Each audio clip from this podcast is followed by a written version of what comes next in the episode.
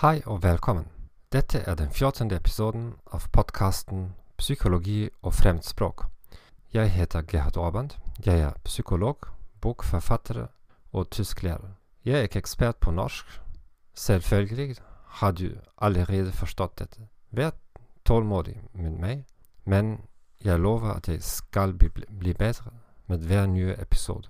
Hvis du har oppdaget denne podkasten akkurat nå, kan du sjekke ut de siste episodene først. Kvaliteten vil være mye bedre enn i det første.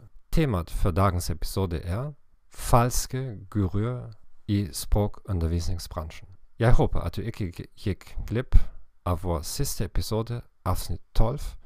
Er gjentagelse av ord virkelig en dårlig strategi for å memorere? Du kan finne alle podkastepisoder i arkivet vårt. Hvis du vil høre på denne podkasten på et annet språk, kan du gå til vår hjemmeside thegomethod.org slash podcasts eller thegomethod.org slash norwegian. Saboterer du din egen suksess med å lære et fremmedspråk og kaster du bort tid og penger på uproduktive aktiviteter, oppdag de 21 og 20 feilene jeg selv har i løpet av de siste 20 årene, og lær hvordan du kan unngå dem ved å lese min nyeste bok, 21 Self-Limiting Beliefs in Learning a Foreign Language.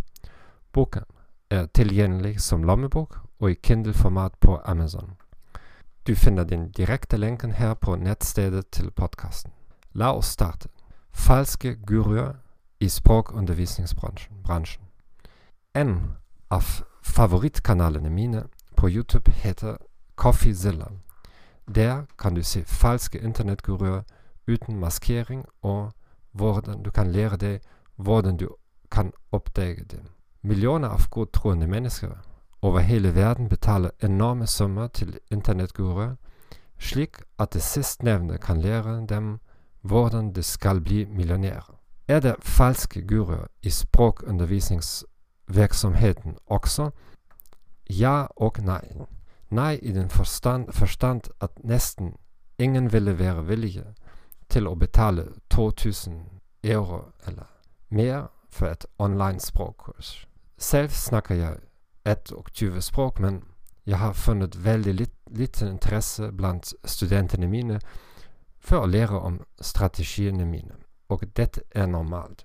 Så på den annen, på den annen siden gir mange språklærere og språkskoler helt urealistiske løfter. Her er det typiske. Lær et nytt språk på bare en måned.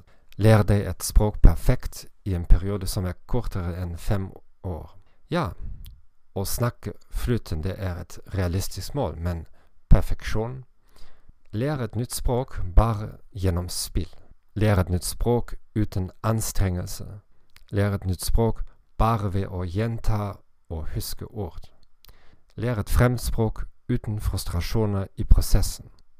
Hvis du ser et tilbud med mange av de ovennevnte elementene, må du ta vare på tiden og din og pengene dine.